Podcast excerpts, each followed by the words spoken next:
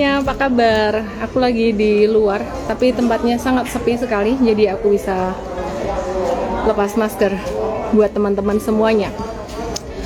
Dan nggak keburu balik tadi ya, uh, agak stuck hujan gitu, jadi ya oke. Okay. But thank goodness bisa tetap keburu. Oke, okay, teman-teman, malam hari ini kita mau ngobrol dengan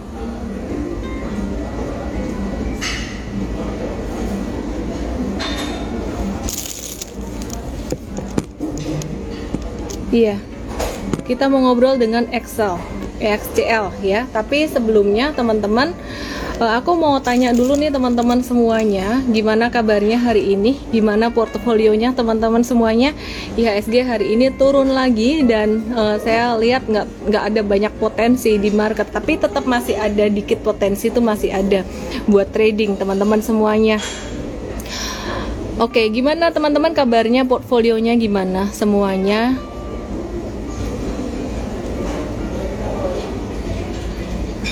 Hari ini dandanannya beda lebih dewasa. Lebih tepatnya aku gak sempet dandan malah berantakan semuanya. Merah. Thank you miss buat bela-belain live walaupun sedang sibuk. BABP gimana? Kena cut loss juga sih. BABP turun cut terus BBYB kena cut juga. Oke teman-teman kita akan ngobrol dengan EXCL beberapa uh, menit lagi ya. Jadi aku akan update dulu untuk sentimen globalnya. Saat ini saat ini market juga masih menunggu uh, tapering the Fed ya. Jadi masih indecision banget marketnya. Terus harga emas juga masih tertahan di bawah 1800 gitu. Ya jadi teman-teman uh, the Fed tapering the Fed ini masih jadi satu sentimen yang cukup lumayan juga. Nah, kemudian harga minyak ini naik karena pasokannya terhambat gitu. Jadi harga minyak acuan US oil berhasil menguat ke level 69,29. Nah, eh, pasokan ini terhambat karena apa? Ya, sebentar ya. Iya. Oke. Jadi pasokannya terhambat karena operasional di Teluk Meksiko gitu. Di Amerika pasca 9 hari badai Ina gitu. Terus kemudian kalau di Indonesia sendiri gimana? Pasca PPKM kemarin uh, yang cukup lama ya. Indeks kepercayaan konsumen yang kemarin tuh sempat naik di bulan Juni mencapai level tertingginya tahun 2021. Ini jadi turun dalam di dua di bulan Juli dan bulan Agustus kemarin. Tapi ini PPKM-nya juga udah mulai membaik. Uh, jadi aku bilang nanti bulan September, Oktober, November, Desember juga akan bisa cukup oke. Okay. Oke, okay, terus yang nanya tentang scalping nanti aku akan bahas juga ya teman-teman ya um, beberapa saham yang cukup rame yaitu ada MLPL terus kemudian di MMX, TKIM, INKP itu beberapa saham yang masih bertahan hijau hari ini.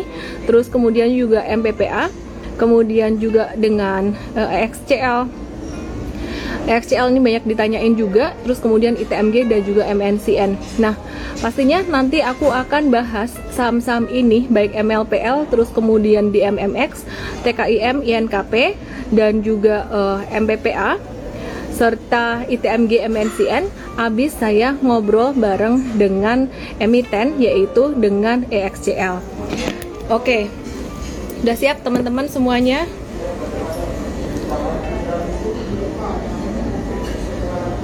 BPCA udah tutup gap sabar ya. Jadi teman-teman yang trading juga mesti sabar dan harus uh, siap untuk investing juga. Jadi mesti diversify portfolionya bukan trading bukan hanya trading aja tapi juga investing.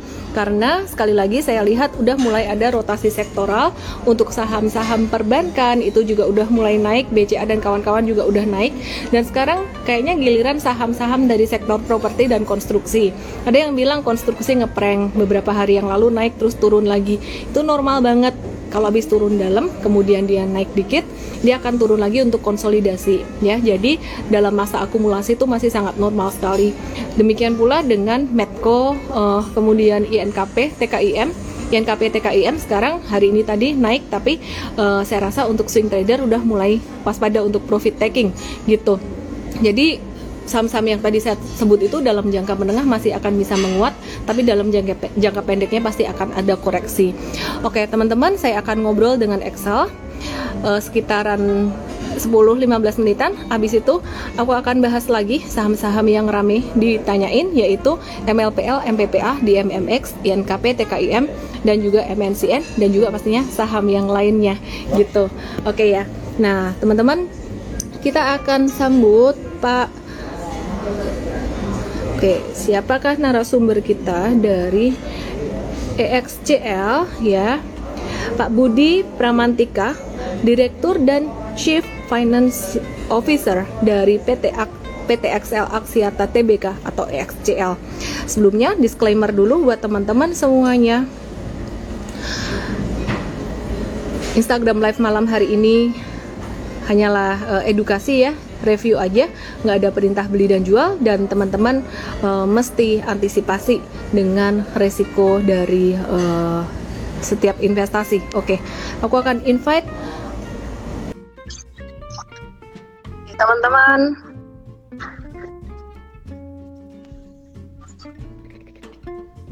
Halo, selamat malam Pak Budi Pramantika, Direktur and Chief Finance Officer PT XL Aksiata Tbk dengan kode saham EXCL. Terima kasih banyak Pak Budi udah menyempatkan ngobrol di sini. Apa kabar Pak Budi? Baik, Alhamdulillah. Apa kabar Mbak Ellen? Eh, ketemu lagi di sini. Baik banget Pak Budi. Nah Pak Budi mungkin malam hari ini kita punya waktu nggak lama ya, mungkin sekitar 10-15 ya. menit aja. Tapi nanti tanggal 9 September jam 5 sore kita akan ngobrol lagi dengan Pak Budi dan juga pastinya dengan manajemen dari uh, Excel Aksiata ya. Jadi ngobrol banyak hal nih. Jadi teman-teman yang di Mtrade, uh, Mtrade VIP as a VIP user bisa join tanggal 9 September jam 5 sore. Oke, Pak Budi mau nanya nih tentang EXCL nih ya. Gimana sih perkembangannya untuk data revenue dan juga prospek dari kenaikan uh, ARPU-nya ke depan, average dari harga harga produknya sendiri ke depan ini? Ya, sebelumnya saya mengucapkan terima kasih Mbak Ellen sudah ke, kembali mengundang kami dari Excel Aksiata untuk uh, berinteraksi dengan teman-teman semua. Ya, terkait pertanyaan tadi tentang perkembangan data revenue dan prospek kenaikan ARPU, uh, kami dari Excel berharap pendapatan layanan data atau uh, akan akhirnya menjadi data uh, pendapatan revenue, data revenue uh, akan terus naik uh, seiring dengan peningkatan pemakaian data yang didorong oleh gaya hidup masyarakat Indonesia yang makin digital. Uh, ke depan ini uh, perkembangannya kita berharap akan terus uh, makin meningkat. Ini akan mendorong pertumbuhan data revenue dan tentunya juga ARPU uh, dari Excel Axiata. Waktu di sesi yang pernah kita sempat berinteraksi, saya sempat menyampaikan juga bahwa masyarakat Indonesia sekarang uh, kebutuhan dasarnya bukan tiga lagi, sandang sekarang empat ya, sandang, pangan, papan, dan internetan. Jadi ini akan terus uh, kita berharap akan uh, menjadi trending uh, yang tentunya akan men men mendorong uh, pertumbuhan revenue dan uh, ARPU kami di Excel. Oke okay, oke. Okay. Nah, ya. kalau persaingan uh, dengan kompetitor lainnya sendiri gimana Pak di telco industri operator ini? Uh, apakah masih terjadi price war di era pandemi yang saat ini sebenarnya semua orang juga membutuhkan data usage yang banyak?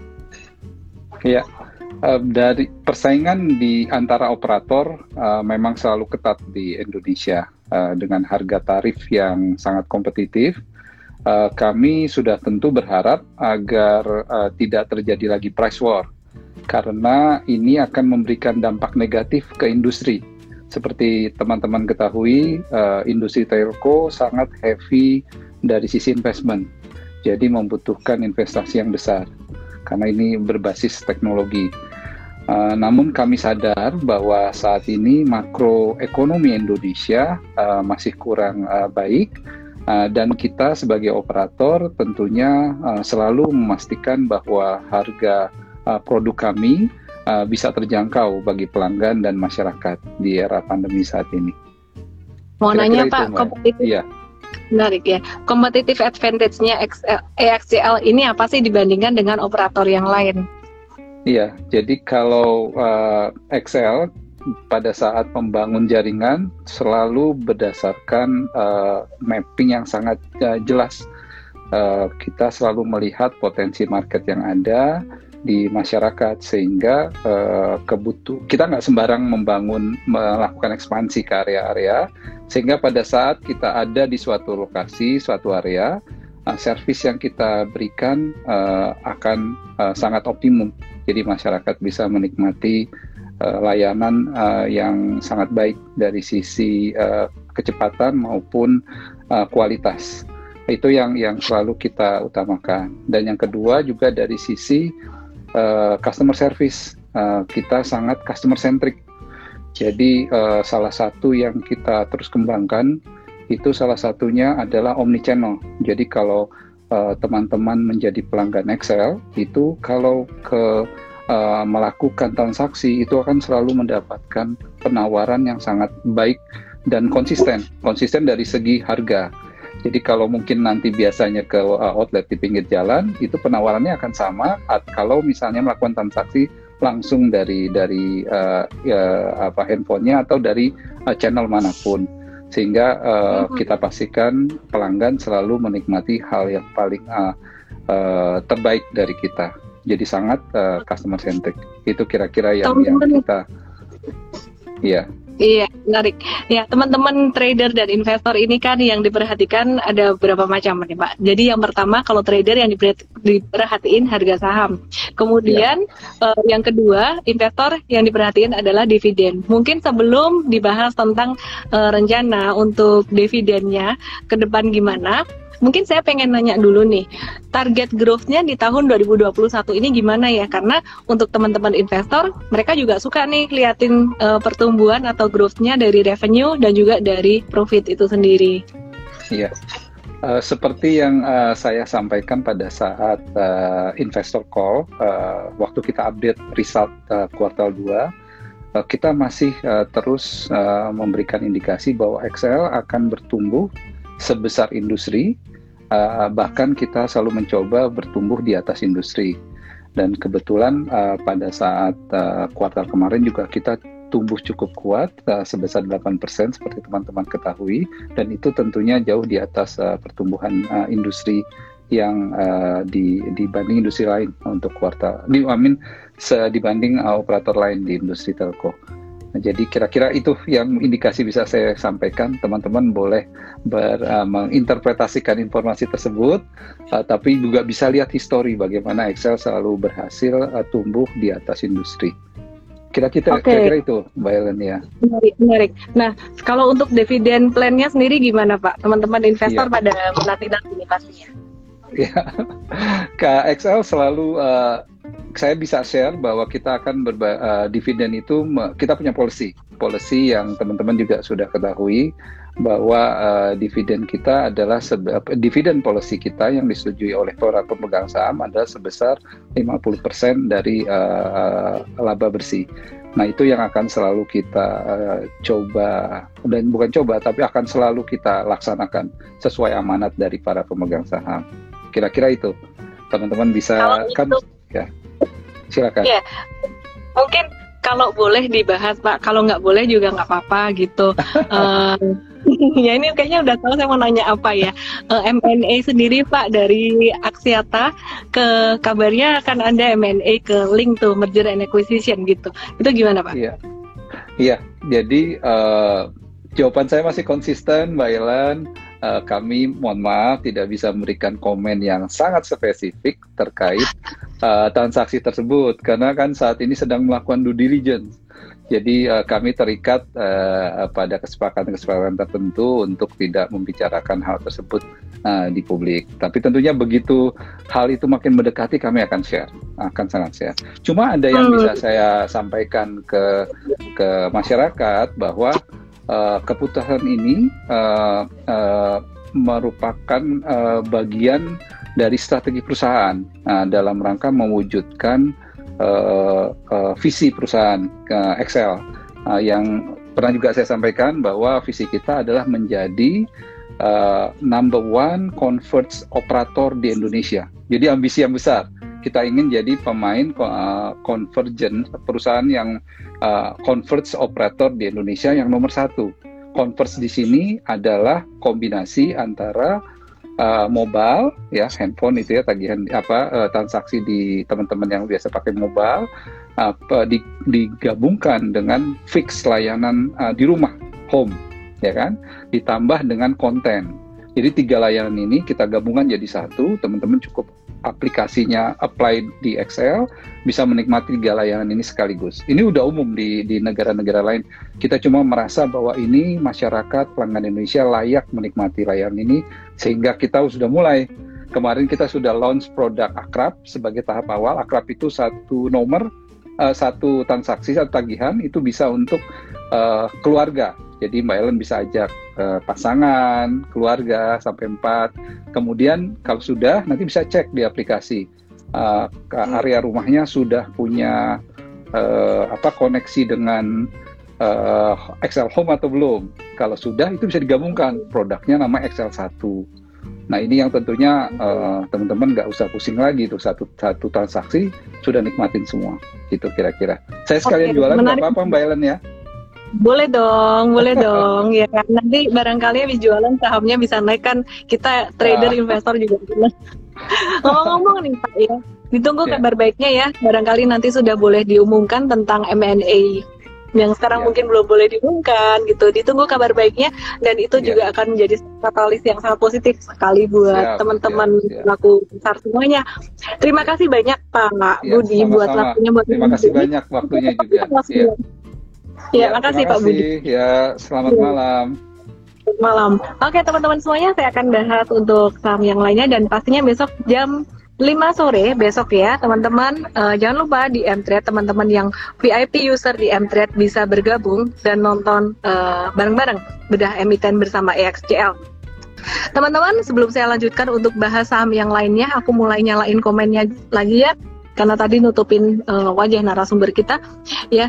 Saya mengajak teman-teman untuk berdonasi. Kita berdonasi menghadirkan oksigen concentrator untuk pasien COVID-19 di kitabisa.com garis miring mtrade peduli COVID ya. Jadi teman-teman bisa uh, ikut nyumbang di situ dan nanti akan dapat kelas tentang strategi analisis saham emas kripto bersama dengan saya dan juga coach Andre Dinas dan juga bersama dengan peluang pastinya ya. Oke. Nah, teman-teman di sini saya juga mau ajak teman-teman semuanya umumkan untuk teman-teman semuanya yang mau menjadi tim dari Mtrade baik itu uh, eh, HR manager kita mencari HR manager kemudian uh, engineering iOS um, Android banyak ya uh, back end, front end, uh, UI UX designer, product manager. Langsung aja ke mtrade.id garis miring karir. Karirnya pakai bahasa Inggris ya, C A R E E R kayak gitu. Oke, okay, sorry aku ejanya bahasa Indonesia. Oke okay, ya teman-teman semuanya uh, ini ada di list aku ada saham-saham yang rame ditanyain oleh teman-teman semuanya. MLPL tadi kita sempat jual tapi kemudian sorenya naik. Ada kemungkinan besok kita akan buyback tapi buybacknya kita maunya nawar nih ya. Jadi nggak mau buyback yang kerja di atas gitu.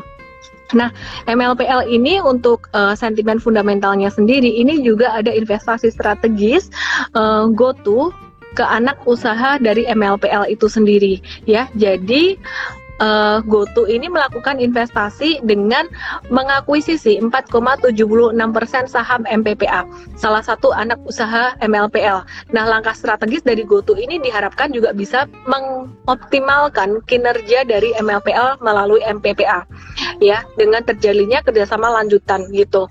Nah, terus uh, yang menarik di sini juga MLP MLPL ini dia banyak banget berinvestasi di perusahaan-perusahaan startup. Uh, salah satunya adalah Ruang Guru. Dia ada investasi ke ruang ruang guru pada Mei 2021 kemarin senilai 700 miliar ya dan um, memiliki 3,38 persen saham ruang guru. Jadi sebenarnya kalau teman-teman beli MLPL ini secara nggak langsung teman-teman juga udah investasi ke uh, ruang guru atau saham-saham atau perusahaan-perusahaan startup yang lain gitu. Kemudian untuk kinerja laporan keuangannya sendiri MLPL ini kerugiannya udah mulai menipis. Ya jadi uh, kinerjanya sudah mulai akan membaik. Oke teman-teman malam hari ini mungkin aku Instagram live-nya nggak akan lama tapi aku akan wrap up dan juga aku akan fokus pada saham-saham yang sekiranya masih potensial dalam 1 sampai dua hari ke depan. Karena market merah dan potensinya dikit banget. Jadi justru malam hari ini singkat padat dan semoga nendang. Jadi uh, benar-benar di wrap up banget gitu. Teknikalnya aku akan bahas besok di morning briefing. Sorry banget teman-teman karena I don't have my computer here. Gimana caranya aku bahas teknikal? Tapi aku inget chartnya di sini ya. Uh, chartnya di kepala aku tuh aku inget banget. Jadi sempat turun sampai ke 500 kemudian naik lagi. Dan kemudian besok kita akan buyback tapi kita akan nawar agak pelit. Kemudian di MMX, di MMX ini sepertinya juga akan ada sesuatu yang baru pada tanggal 10 nanti yang which saya sendiri juga nggak tahu apa. Tapi kalau dari pergerakan chartnya sendiri ini udah mantul dari area support dan tadi M-Trade ada buyback untuk di MMX-nya setelah kita ada exit beberapa waktu yang lalu gitu. Uh, di MMX ini juga dia ada melakukan joint venture Smart Retail uh, membentuk perusahaan patungan atau joint venture dengan Smart Retail Group. Melalui kerjasama itu, DMMX merupakan anak da yang merupakan anak akan memiliki 50% dari uh, joint venture tersebut gitu. Ya. Oke. Okay. Terus kemudian yang menarik lagi dari DMMX ini adalah sinergi dengan bumi langitnya cukup bertumbuh ya jadi cukup oke okay. dan kemudian kemitraan dengan si cepat ini sangat berkembang sekali pada kuartal 2 2021 ini DMMX mengumumkan kemitraan dengan uh, si cepat buat mengembangkan sistem kerja untuk masuk bahan makanan. Anyway, kalau aku ngelihat di MMX ini uh, waktu itu harga sahamnya naik terus kalau teman-teman nanya boleh masuk nggak? Itu kita agak-agak Hmm, jawabnya agak-agak kurang mantap. Kenapa? Karena sama sekali nggak ada konsolidasinya. Tapi sekarang setelah dia mulai mengalami konsolidasi, ini justru malah mulai layak untuk kembali dilirik dengan uh, potensi perkembangan perusahaan inovasinya yang sangat luar biasa banget ke depan. Nah, si DMMX ini technically udah mulai konsolidasi dan aku justru suka melihat konsolidasinya itu. Uh, kita bisa swing tradingin dengan target resistennya 3400 tapi kalau teman-teman mau investing di saham di MMX ini disclaimer juga ya di MMX ini eh, teman-teman uh, bisa nawar sampai 3100 kalau untuk investornya. Jadi beli bertahap nyicil, nambah dikit-dikit gitu aja. Ini yang nanya masuk di harga berapa? Kalau buat trader udah telat ya. Jadi MTR udah kasih tahu kemarin dan hari ini untuk tradingnya. Sedangkan kalau untuk uh, investasinya boleh nyicil beli sampai level 3100. Kayaknya jangka pendek bakalan bisa ke 34 dulu kalau lihat chartnya gitu. Dan chartnya udah mulai consolidating justru malah oke okay, daripada dia naik terus. Ya teman-teman aku nggak lama ya Instagram live-nya ya Kemudian TKIM dan juga INKP, TKIM dan juga INKP saat ini uh, kita melihat dia udah naik selama beberapa hari terakhir. Be very careful, udah mulai rawan profit taking untuk TKIM INKP buat swing trader udah mulai rawan profit taking. Tapi untuk teman-teman yang investing, kalau ada turun-turun TKIM dan INKP ini bolehlah dicicil beli gitu. Ya, jadi mengacu pada harga jual uh, ekspor pulp terbesar di dunia, Suzano, mulai menunjukkan kenaikan harga sejak sejak kuartal 4 2020 dan hal ini juga jadi signal positif bagi harga pulp dunia terutama TKM dan INKP gitu. Ingat secara historis kinerjanya cukup inline dengan harga jual ekspor Suzano gitu. Nah, selain itu permintaan uh, ekspektasi permintaan pulp dari China akan semakin tinggi melihat produsen tisu kecil medium yang mulai melanjutkan pembelian pulp serta inventory yang berada di level normal dan satu lagi di China itu mereka mulai menerapkan green energy. Jadi instead of uh, using plastic bag, mereka lebih cenderung menggunakan paper. Kemudian yang berikutnya tadi masih ada kaitannya dengan targetnya di MMX berapa? Short term 3400 tadi aku udah bahas, tapi kalau long term sih kalau misalkan breakout dari 3400 the sky will be the limit the sky will be the only limit gitu oke okay. terus kemudian MPPA, MPPA ini yang tadi aku bilang uh, Gojek Tokopedia tuh sempat ada ambil uh, porsi sebesar 4,76% saham MPPA yang which is ini akan menjadi satu hal yang positif buat MPPA karena ekosistemnya jadi lebih bagus dan jadi lebih digital gitu ya. Jadi teman-teman secara teknikal juga aku hafal chartnya PPA itu inverse head and shoulders dan um, besok akan dibahas secara lebih detail di morning briefing gitu ya jadi saham-saham yang aku bahas ini secara fundamental juga cukup menarik. Nah kalau EXCL sendiri ini tadi sebenarnya yang menarik ada sentimen uh, akuisisi link tapi belum dikonfirmasi oleh manajemen uh, yang bakalan sebenarnya mendorong pertumbuhan pelanggan. Kemudian juga dari EXCL sendiri ini pendapatannya meningkat selama musim lebaran kemarin ya. Jadi uh, jadi bagus untuk kinerja dia uh, bebannya cukup meningkat tapi labanya masih cukup stabil ya. Jadi XCL mungkin besok dengar sendiri langsung aja dari emitennya. Terus kemudian ITMG yang terakhir ya, ITMG uh, meskipun harga batu bara naik, uh, kalau ITMG sih naiknya juga udah lumayan, tapi saham-saham batu bara yang lain belum banyak naiknya gitu. Perkiraan produksi batubara kuartal 3 2021 itu jadi 5,5 juta ton. Ya, jadi volume produksi sepanjang tahun diprediksi mencapai uh, 19 sampai 19,9 juta ton. Nah, secara teknikal akan dibahas di morning briefing besok di Mtrade dan kemudian juga MNCN yang cukup aktif juga pada perdagangan kemarin ya dan juga uh, hari ini banyak ditanyakan juga uh, pangsa pasarnya agak turun pada Agustus kemarin disebabkan oleh penurunan GTV tapi RCTI-nya masih cukup stabil. Nah, kalau MNCN ini kita uh, lebih ngelihat secara teknikal aja sih teman-teman ya. Jadi kita lihat secara teknikalnya besok kita akan update di uh, M-Trade. Terus teman-teman yang trading, teman-teman masih harus bersabar dengan market yang masih banget banget choppy, masih cukup volatile. Uh, IHSG merah karena kemarin juga US bond yield juga cukup naik, US 10 years treasury bond yieldnya naik gitu. Jadi itu ngefek ke IHSG merah dan tadi pagi juga udah diantisipasi di morning briefing. Uh, terus last but not least aku mau cerita tentang koin crypto. Kemarin banget di awal Instagram live aku ada bahas tentang di awal Instagram live tuh aku ada bahas tentang koin bahkan di opening kemarin sayangnya nggak ke record ke record nggak ya kayaknya nggak ke record deh karena mati HP ku panas lupa intinya kemarin teman-teman kalau yang nonton Instagram live kemarin ya uh, di awal-awal aku ada bahas tentang koin bahwa koinnya itu mau turun. Kenapa? Karena udah ada tanda-tanda dari sorenya udah ada tanda beberapa yang Ethereum jatuh lumayan dan itu biasanya kalau koin gerak yang gerakannya naik signifikan atau turun signifikan yang lain bakalan ngikut. Terus kemudian monthly chartnya juga udah tinggi banget terlepas dari apa pun beritanya ya. Jadi apa yang menyebabkan koin turun hari ini juga ada dibahas di uh, M-Trade baik di Instagramnya kayaknya malah kemarin udah dibahas dan hari ini ada dibahas di artikelnya. Jadi teman-teman uh, technical itu sangat membantu sekali.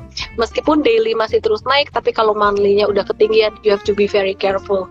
Nah, terus kemudian teman-teman yang terakhir ya, apa yang harus dilakukan dengan kripto atau koin ini saya rasa masih bisa lanjut turun. Jadi kenaikannya dalam jangka pendek ini kemarin mantul itu sifatnya very very short term temporer banget.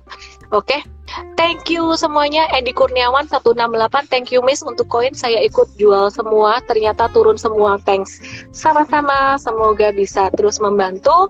Di mana ini? Kepo aja mau tahu di mana Intinya um, ya pokoknya tetap harus hati-hati aja lah di market ya. Jadi itu aja yang aku mau bagiin malam hari ini. Dan sahamnya juga nggak banyak pergerakan. Uh, mulai investasi juga ya. Jadi saham-saham yang udah mulai reverse kapan hari aku ada mention saham sektor properti kayak BSDE yang teman-teman bisa nyicil beli kalau dia turun. Jadi kalau turun ya jangan jangan stres, jangan gimana gitu. Justru malah mulai cicil beli.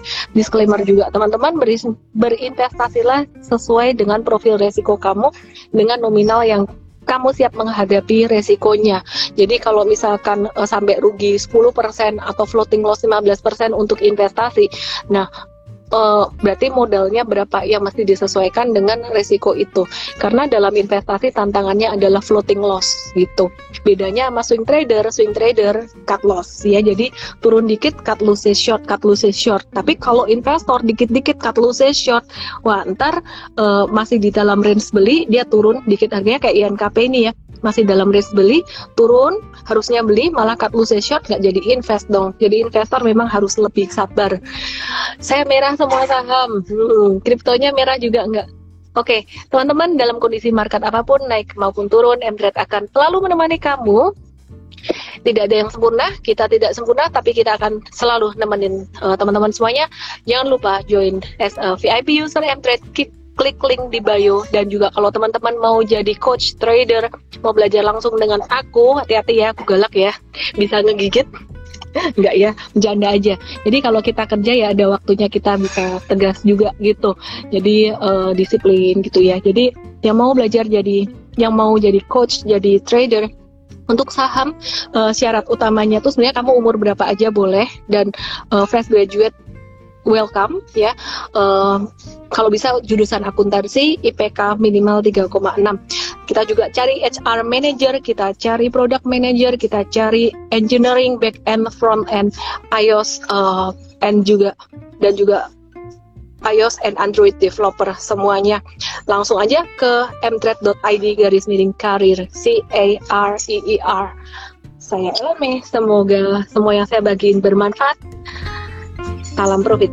Sampai jumpa besok. Dadah.